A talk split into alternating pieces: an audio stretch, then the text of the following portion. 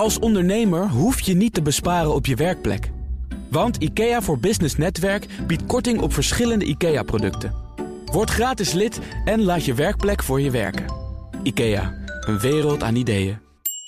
En wat gaat er nu uiteindelijk voor? Je ideale of toch de dikke portemonnee? Dat en meer in het ondernemerspanel. Vandaag zit daarin Dick van der Lek, directeur van DDB Unlimited... en Erik Pekel van AHA, Bureau voor Live Communicatie. En mijn zakenpartner is Lieve de Klerk, directeur van SPI Nederland. Welkom allen. Ik wil uh, beginnen bij jullie eigen nieuws. Uh, Erik, jij mag uh, aftrappen wat dat betreft.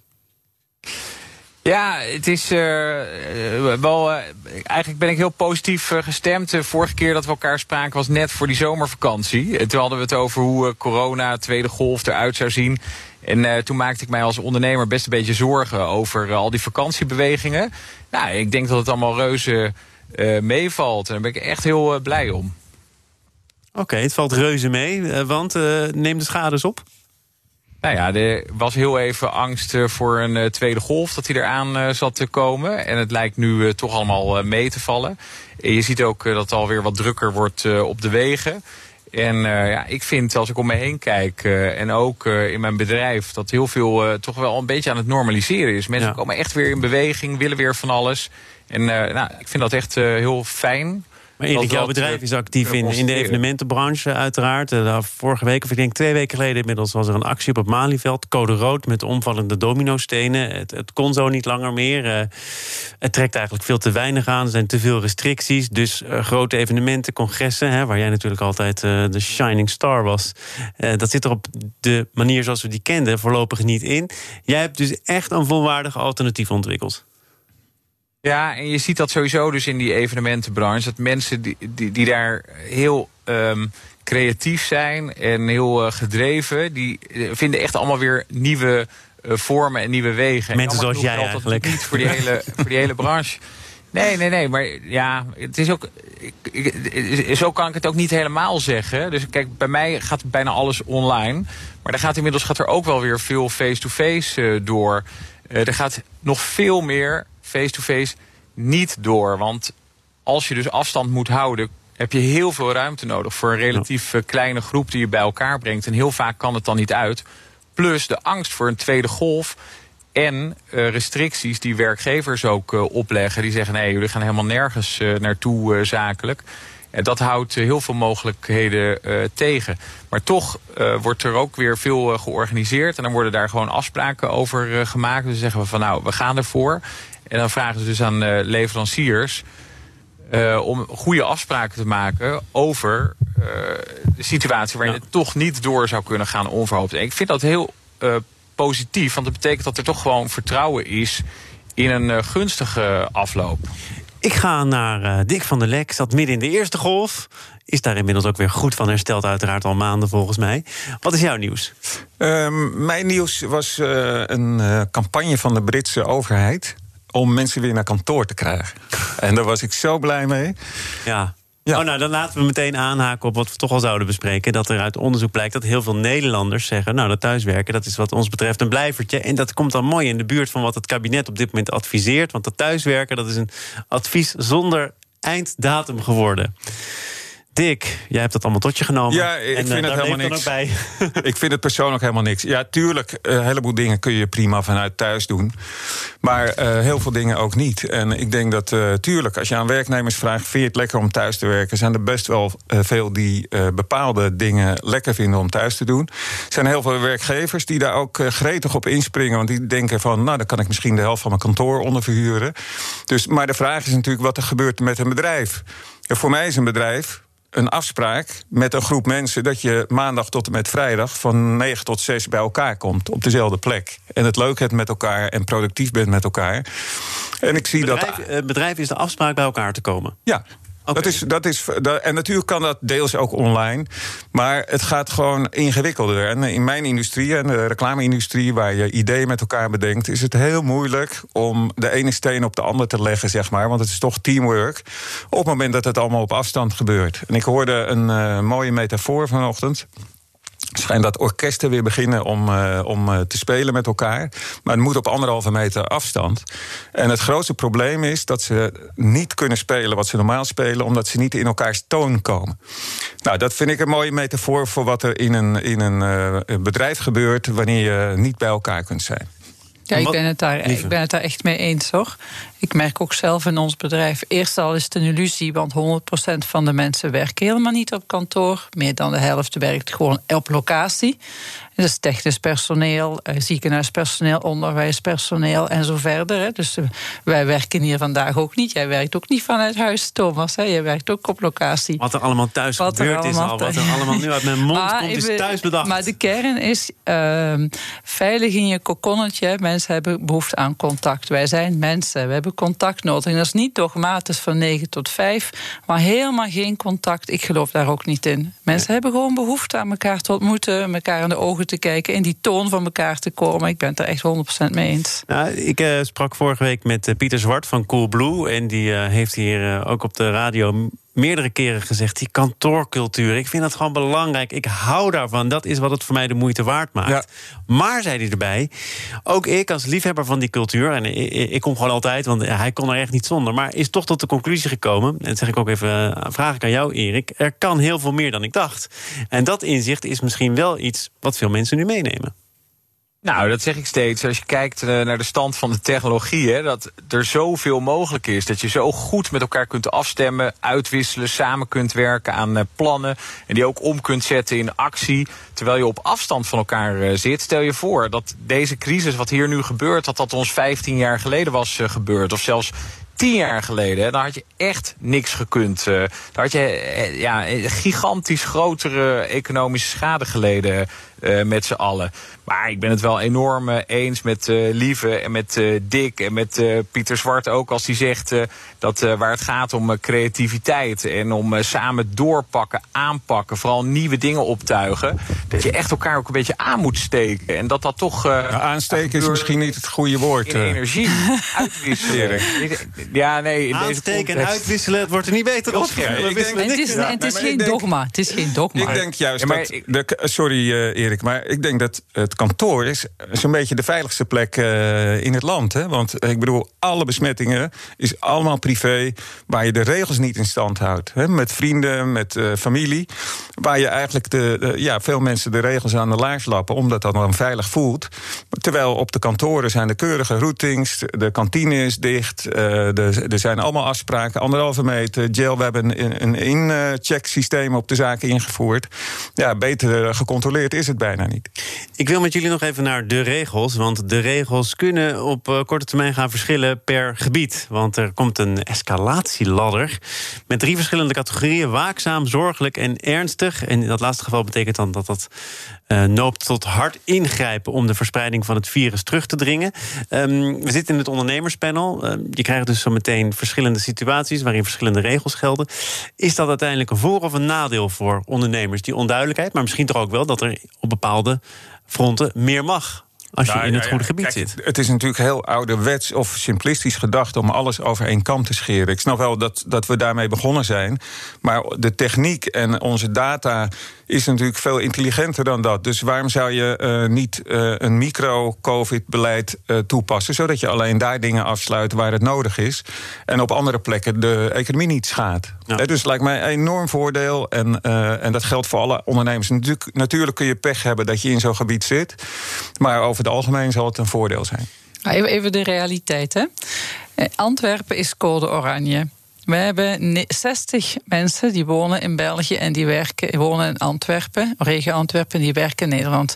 Die worden dan grenswerkers genoemd. Die mogen vrijelijk de grens over. Daar geldt dat code oranje blijkbaar niet. Maar we hebben ook heel veel mensen die wonen in Nederland en die werken net over de grens. Daar geldt dat dan wel voor. ja, leg het mij uit. Dus als ondernemer is het niet te doen zometeen. Het het doet ook denken dat je denkt dat Nederland is één stad. En nu gaan we in keer Nederland weer als een land beschouwen. Mensen wonen in Rotterdam, werken in Amsterdam, wonen in Breda, werken in Groningen. Hoe ga je dat organiseren? Moet je dan iedere keer weer opnieuw in een of andere app? Moet je gaan nalezen wat de veiligheidsregio nummer 16 bedacht heeft? Omdat je in veiligheidsregio 14 gaat werken? Dat is niet te doen. Als ondernemer is het niet te doen. Het voorbeeld uh, wat je geeft is wel grappig. Want uh, het, ja, ik ben wat positiever over het regionale beleid. Ik denk dat het heel uh, pragmatisch is en een beetje in de richting komt van het microbeleid. En juist het voorbeeld wat je geeft met Antwerpen. Ik weet nog een paar maanden geleden, toen zat België volledig op slot. Uh, toen was er zelfs uh, grensbewaking uh, ingesteld. je had net het voorbeeld met, met Antwerpen. Ja, de, de, de grote besmettingshaard Antwerpen, dat, dat kwam nog later natuurlijk op gang. Maar ehm, daar, daar zie je dus dat ook de grenzen tussen landen natuurlijk niet zo'n virus tegenhouden. En dat dat ook voor heel veel verwarring zorgt. En moeilijkheden, zeker als je over de grens onderneemt. Maar in welk opzicht ben je dan positiever? Want tot nu toe onderschrijf je het verhaal van Lieve, toch? Nee, nee. Ik, ik zeg juist het, dat uh, wat Dick zegt over dat uh, microniveau. Hè, dat zou hartstikke mooi zijn als je dat kunt uh, organiseren. Ik kan me voorstellen dat het regionale, dat dat daarbij in de buurt komt. En dat dat gewoon makkelijker is voor handhavers om dat te beheersen en om daar duidelijkheid Het gebeurt al een beetje. Het gebeurt al een beetje. Ik, Zeker. ik heb het niet alleen zelf gehad, maar ik ben ook nog onlangs 14 dagen in quarantaine geweest. En ik werd gewoon verschillende keren door de GGD gebeld. Uh, om aan te geven met wie ik in contact was geweest. Maar ook of ik nog thuis was. En ook werd ik netjes gebeld in het weekend dat ik de dag erop. Had je je vaste lijn opgegeven? Ja. nee, maar die GGD's, dat zijn halve callcenters geworden tegenwoordig. Ja, ja. En die houden dat keurig bij. Het is natuurlijk een enorme belasting, daar ben ik met liever eens. Maar het is, ik denk dat het wel kan. Nou, het is uh, goed dat je dat noemt, want het stond ook al op mijn lijstje. Omdat ik gisteren las dat niet alleen de GGD's overbelast zijn... maar dat nu ook MKB Nederland zich gaat roeren in de discussie... voor een ruime testcapaciteit... en dat er ingezet moet worden op snel testen voor het bedrijfsleven. is dat een redelijke eis? Het bedrijfsleven is natuurlijk ook een breed begrip. Ja, nou, ik vind dat snel testen is natuurlijk belangrijk. Want moet je voorstellen dat er iemand bij mij op de vloer uh, positief wordt getest. Moeten wij intern contactonderzoek doen. Moet je iedereen die daarbij in de buurt is geweest, of binnen anderhalve meter, moet je eigenlijk in quarantaine zetten. En dat is nog niet wat. Hè. Dat kan een hele grote groep zijn. Dus ik denk op het moment dat je die mensen allemaal snel kunt testen. Maar je zegt die, dat zou eigenlijk moeten. Ja. Um, ja, je gaat er nee, ook nou, lachen. Nou, nee, nee, nee, ik lach er niet om, want ik zou het doen. Ik zou het doen. Dus ik, ik, uh, ik heb het nog niet aan de hand gehad. Hè, daarom zeg ik het op die manier. Maar als het aan de hand is, dan ga je dat gewoon doen. Maar dan ben je mensen dus twee weken kwijt. En als die snel getest kunnen worden, dan heb je ze misschien binnen drie dagen weer terug. Ja, nou, dat, dat uh, ligt in het uh, verlengde van wat MKB Nederland nog meer wil. Namelijk dat er een, vergoeding zou moeten zijn voor werkgevers om ze tegemoet te komen voor de loonbetaling. Loondoorbetaling tijdens de preventieve thuisquarantaine van medewerkers. Want dit gaat natuurlijk echt spelen. Dit gaat op grote schaal dan een uh, probleem worden. Um, is dat te billijken dat MKB Nederland daar nu mee komt, Erik? Nou, ik vind het wel een logische gedachte. Ik denk wel uh, dat de overheid heel uh, ruim al is met steunmaatregelen. Ik vind het echt geweldig hoe er wordt gehandeld.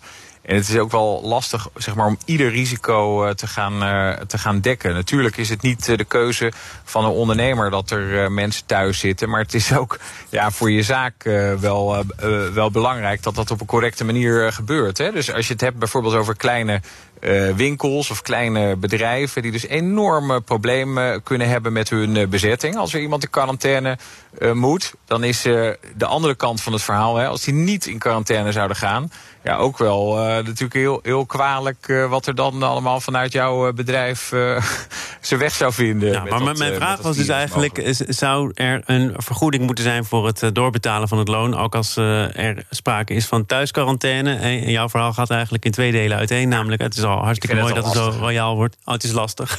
en Dick, wat vind jij? Nou ja, ik... Maar ik ben het met Erik eens. We zijn het uh, misschien te veel met elkaar eens vandaag, merk ik. Maar, we hebben uh, nog de helft voor de boeg. Oké, okay, nee, ik denk dat, het, uh, dat je al voldoende wordt gecompenseerd. Hè, want op het moment dat je ook door dit soort maatregelen een veel lagere omzet zou maken dan de, de, de periode het jaar daarvoor, dan word je al gecompenseerd. Dus ik zie het daar een beetje binnenvallen. We gaan naar die tweede helft. Komt-ie. Zaken doen. In het ondernemerspanel zit vandaag Dick van der Lek van DDB Unlimited... Erik Pekel van AHA, Bureau voor Live Communicatie... en mijn zakenpartner Lieve de Klerk, directeur van SPI Nederland. En het gaat, uh, het gaat over de detailhandel, want er is een krimp te verwachten... Uh, als gevolg van de coronacrisis met 8% Dat is een voorspelling van ABN AMRO in zijn sectorprognose retail. De bank verwacht dat er aan het einde van dit jaar 15% minder fysieke kledingwinkels zijn... en 10% minder schoenenwinkels. Nou, laten we gewoon maar beginnen bij de bij die winkels dan? Schoenenwinkels en kledingwinkels. Lieve, wat denk jij? Komt er een kaalslag? Ah, het, is, het is tijd. We, we kochten toch allemaal al te veel. Dus oh ja, dat past, dat past natuurlijk eigenlijk bij wat jij al eerder ja, zei. Ja, ik, ik, ik vind dat het tijd is. Wij, wij consumeren te veel en uh, er is te veel. En uh, ja. Dit is dus een correctie. Dus dat is een correctie, een goede correctie. Ja, dat is, dat is natuurlijk mooi gesproken. Het gaat natuurlijk ik ben heel niet de ondernemer raken. die het betreft, dat is waar. Maar ik ben wel de consument die het doet op dit moment. Minder kopen of meer Absoluut, kopen? veel minder kopen. Veel minder. Ja, ja. Maar echt als, als gevolg van nadenken van... Uh, wat doet dit allemaal uh, ook met mij, corona? Uh, reflecteer nog eens keer opnieuw op de wereld. Wat is mijn persoonlijke gedrag? Meer tijd om een keertje goed in de garderobe te kijken. En daar staat genoeg in. Ja, daar staan een mooie spullen ook. Heel hè? mooi. Ja, ja, en veel schoenen ook. okay. Slijt er niet meer. Nee, ja, ik vind het een sympathieke gedachte, maar uh, ik, volgens mij verschuift... Het, het heeft te maken met de definitie van retail in dit geval. Want volgens mij alle online uh, retailers, de food retailers... die groeien als kool.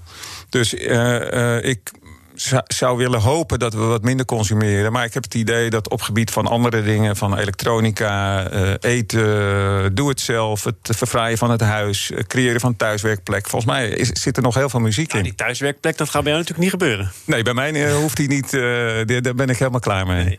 Wat ik, wat ik er wel mooi aan vond, om het toch niet alleen maar somber te maken, is dat heel veel mensen kennelijk lokaler zijn gaan winkelen om lokale ondernemers te ondersteunen, maar ook omdat het veilig en vertrouwd is. Zou dat een blijvertje kunnen zijn, Erik? Nou, ik hoop dat heel erg. Want uh, het eerste wat ik dacht over die krimp van die detailhandel... is dat heel veel winkels ook niet erg bijzonder zijn. Hè? Dus steeds meer lijkt het ene, de ene binnenstad op de andere binnenstad... en ook op uh, dorpskernen. Al die ketens die je overal terugziet... met allemaal ongeveer hetzelfde aanbod... dat is ook gewoon niet heel aantrekkelijk. En uh, te denken over online bestellen wat je weet, wat je goed kent uh, als uh, ja, dit is, dit is een beetje het nadeel van technologie en online. Je, je, viel even weg, dus je zal toch nog een deel van je betoog oh, moeten ja. uh, herhalen. Het begon ermee te zeggen dat uh, er veel zaken op elkaar lijken... maar je was op weg om de vertaalslag naar online te maken. Ja, dus online koop je alleen wat je al kent en wat je vertrouwt. En het leuke van leuk winkelen is uh, nieuwe producten uitproberen. En die voelen en die zien en die uh, beleven en daar nieuwsgierig van worden. Dat je echt verleid wordt in een winkel. En dat gebeurt juist dus met die lokale spelers... die zelf bijzondere dingen inkopen of zelf maken. En ja, ik hoop dus dat er in al die... Leegstand heel wat moois tot stand gaat komen. Ja, dat is natuurlijk wel, denk ik, de vraag. Want het kunnen dan misschien wel te veel eenheidsworsten zijn, al die winkels. Maar als daar een lege plek ontstaat en daardoor de hele binnenstad of het hele winkelcentrum, het hele winkelgebied minder aantrekkelijk wordt, dan trekt dat misschien ook in de kern gezonde bedrijven naar beneden. En dan blijft er niks meer over, Dick. Ja. Nee, zeker. Ik denk, um, die bedrijf, ik denk dat de meeste. Um klassieke retailers, dat die allemaal ook online zijn gegaan. Hè. Dus uh, je ziet ook dat de hybride winkels of de multi-channel, hoe ze dat noemen, dat je en offline en online je aanbod uh, doet, die groeien echt als kool. Zelfs de action is gezwicht, hè? Zelfs de action is ja, gezwicht. Ja. Uh, en daar zie je heel mooie voorbeelden in. En waarom zou je dat niet doen? Dus ik vind het ook de stelling van dat de retail uh, 8% krimpt, vind ik heel uh, beperkt uitgedrukt. Want ik denk, als je alles bij elkaar neemt, dat het reuze meevalt. Want ik kan me niet voorstellen dat als je de plussen van de online retail en de hybride retail bij elkaar optelt, want die zitten allemaal 20, 30 procent in de plus, dat je dan per saldo alles bij elkaar nog op min 8 of min 10 procent komt. Ja. Dus ik denk, het is een shake-out van de, van de, ja, van, van de grijze ja, die eigenlijk niks speciaals te bieden hebben. Ik denk dat je ook wel gelijk hebt. Ik wil dat ook wel meteen eventjes in perspectief plaatsen. Want uh, CBS is ook met cijfers gekomen over de detailhandel in juli. En volgens mij daarvoor ook in juni. Uh, er is enorm sprake van een stijging. Dan zal Kees de Kort, als hij zou luisteren, nu zeggen... ja, dat is een inhaalvraag. En het corrigeert niet wat we allemaal verloren hebben. Maar er zijn dus ook zaken die het ontzettend goed doen, nu. Ja. Um, dus, dus dat gezegd hebbende. Ja, maar ook de bol.com. waarschijnlijk bij haar punt dat je sowieso minder moet consumeren. Ja. Denk ik. Maar of dat gebeurt, dat uh, waag ik te betwijfelen. Dan gaan we naar iets wat eh, de afgelopen jaren door heel veel mensen is uh, geconsumeerd en ook omarmd. Namelijk Oatly. Uh, Blackstone, dat is uh, werelds grootste private equity bedrijf, verwierf een belang van 10% in havermelkfabrikant Oatly. En Blackstone is omstreden omdat het bedrijf ook investeert in bedrijven die bijvoorbeeld ontbossen voor de sojateelt. Terwijl Oatly juist heel duurzaam en verantwoord wil zijn zonder badness, zoals in hun slogan staat. Ja, kijk even meteen naar de merkenman. Geen badness. Ja, kijk, als, ik, eh, ik snap het wel dat mensen zich daar druk over maken. Maar het is natuurlijk ook zo. Je, uh, idealisten die hebben maar een heel kleine kring om zich heen. Hè, van fans en van koopkracht. Dus wil je je idealisme naar de massa brengen, dan moet je contact maken met het grootkapitaal. Dat is onvermijdelijk, want je moet overal fabrieken maken enzovoorts. Ik begrijp dat ze dus ook, ook in de US heel actief zijn, maar gewoon de vraag niet aankunnen, omdat ze nog onvoldoende productiecapaciteit gebouwd hebben. Dus zij moeten dit soort dingen doen om hun idealisme te vermenigvuldigen. Dan is de vraag: van, moet je dat doen uh, bij deze groep? Hè? Moet je naar Blackstone? Dat had ik dan zelf niet gedaan, uh, zonder uh, precies te weten hoe alles zit. Maar uh, dat is toch een beetje de Wolf of Wall Street hè, binnen de investeerdersgroepen. Heel erg gericht op de korte termijn. de, die Stefan Schwarzman, die, dat is een multimiljardair, die heeft zijn carrière gebouwd bij Lehman Brothers. Maar die zeggen juist dat ze iets willen veranderen. Een grote vriend van Trump. Jawel, maar die zeggen nu dus ook, en daarom hebben ze elkaar misschien wel nodig. Wij willen ook een groenere koers gaan varen, dus nemen ja. wij Kijk maar, ook een belang in auto. Maar dat voelt een beetje als greenwashing. Hè, als je als Wolf of Wall Street uh, dan uh, zo'n kleine partij overneemt en denkt van nou, dan, dan poets ik daar mijn imago een beetje mee op. Ik heb het idee dat deze twee merken een beetje te ver uit elkaar liggen. De vegetarische slager die heeft zich verkocht aan Unilever. En dan denk ik, nou die twee, dat zijn twee bedrijven met een purpose. En die liggen eigenlijk heel dicht bij elkaar. Uh, daar denk ik dat het veel meer, veel beter werkt. En dan versterkt het elkaar in plaats van dat mensen allemaal vragen gaan stellen. Ik kijk even naar iemand die uh, toch tamelijk idealistisch uit de hoek kwam zojuist. Lieve. Uh, ja, ik, ik, volg inderdaad wel die redenering. Ik snap als je uh, een landelijk of internationaal netwerk wilt uitbouwen, je productiecapaciteit nodig, heb je inderdaad geld nodig. Was dan Blackstone de beste keuze geweest? Zouden zij nu echt geen andere investeerders hebben kunnen vinden? Op een, wat een goed model is, wat een aantrekkelijk model is, wat een duurzaam model is, ja, daar, daar kan je je vragen over stellen. We hebben niet Oatly zelf aan het woord gehad hè, hier, dus we kennen niet hun besluiting of een besluitvormingsproces waarom ze naar Blackstone gegaan zijn.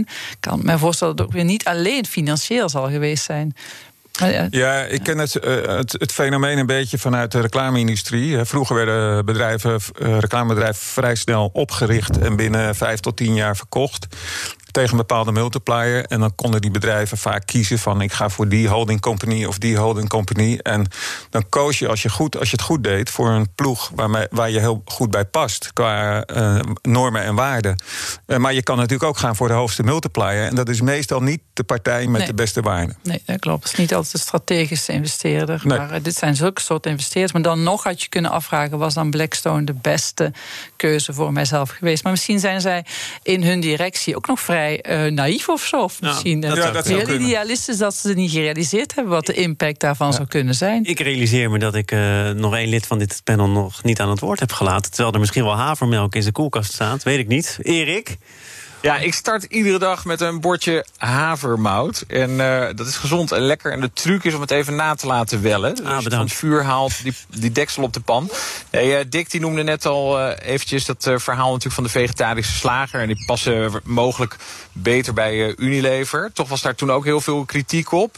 En het FD heeft ook meteen gevraagd aan Jaap Korteweg hè, van de vegetarische slager... hoe, hoe hij dit nou ziet. Hè? Dus dat uh, Blackstone in Oatly uh, 200 miljoen uh, pond. En uh, ja, hij, hij antwoordde daarop uh, meer als de koopman dan als de dominee. Hij zei bij zo'n beslissing zou ik kijken met welke partij ik het hardst kan groeien. En uh, die industrie echt uh, kan uh, veranderen. Dus ja, activist of activistisch of niet. Je kan natuurlijk ook gewoon kijken hoe bereik ik het, het ja. meeste. En de andere kant van het verhaal is natuurlijk ook... dat Blackstone wordt altijd natuurlijk aan de schandpaal genageld. En ik denk heel terecht. Maar nou doen ze een keer wat goed en dan is het nog niet goed. Een en al begrip. En met dat begrip gaan wij uh, zo meteen het weekend in. Althans, misschien dat er nog heel veel op de agenda staat van de leden van ons ondernemerspanel. Zo ja, heel veel sterkte en succes dan wat, wat er allemaal nog uh, te doen is. Dick van der Lek van DDB Unlimited. Erik Pekel van AHA, Bureau voor Live Communicatie. En mijn zakenpartner van vandaag. Lieve de Klerk, directeur van Spie Nederland. Fijn dat je er was. Dankjewel, tot Thomas. snel.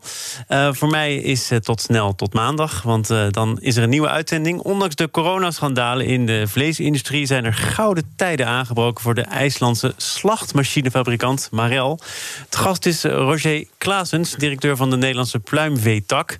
Um, terwijl Dick, nou, heeft het inderdaad heel druk. Hij verlaat nu al de studio. Ja, dat mag wel. Fijne middag. Uh, en um, dat wil ik nog even gezegd hebben... om ervoor te zorgen dat jullie ook zeker maandag... allemaal naar dit, dit programma gaan luisteren.